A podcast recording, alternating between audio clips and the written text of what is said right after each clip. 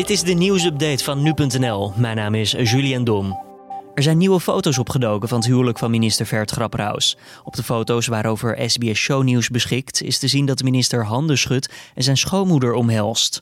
De minister bood eerder al zijn excuses aan voor het niet bewaren van afstand en maakte daarvoor 780 euro over naar het Rode Kruis.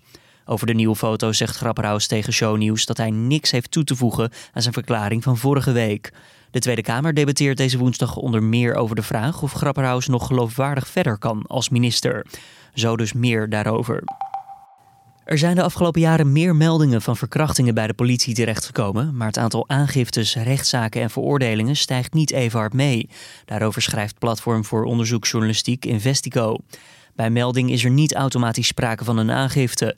Eerst vindt er nog een informerend gesprek met iemand van de zedenpolitie plaats. Vervolgens wordt de slagingskans van een eventuele aangifte besproken. Afgelopen juni concludeerde de Inspectie Justitie en Veiligheid nog dat het bespreken daarvan onbewust iemand kan ontmoedigen om aangifte te doen. Kameraad Doik, de voormalig directeur van de S-21 martelgevangenis in Cambodja tijdens het Khmer Rouge-regime, is overleden. Meer dan 12.000 mensen kwamen om in zijn gevangenis. Naar schatting kwamen in totaal meer dan 2 miljoen mensen om het leven eind jaren 70 toen het regime aan de macht was. In 2010 kreeg Doik tot 40 jaar cel opgelegd vanwege zijn rol. Hij had toen bekend en stelde spijt te hebben van zijn daden.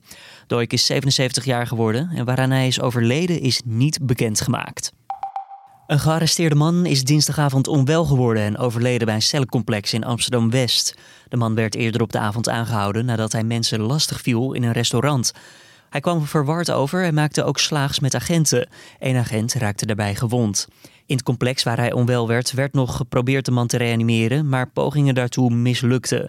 De zaak wordt onderzocht. Serena Williams is dinsdag goed begonnen aan haar jacht op een historische 24ste Grand Slam titel. De Amerikaanse wist de openingsronde van de US Open zonder setverlies te pakken. De 38-jarige Williams trof in New York de 10 jaar jongere Christy Ann, eveneens afkomstig uit de VS. De partij eindigde in 7-5 en 6-3. Williams zou met een 24ste Grand Slam titel recordhoudster Margaret Court evenaren. Die missie heeft ze al een paar jaar, want in begin 2017 was de Australian Open de laatste van een van de vier grote toernooien die Williams won. En dit was dan weer de nieuwsupdate.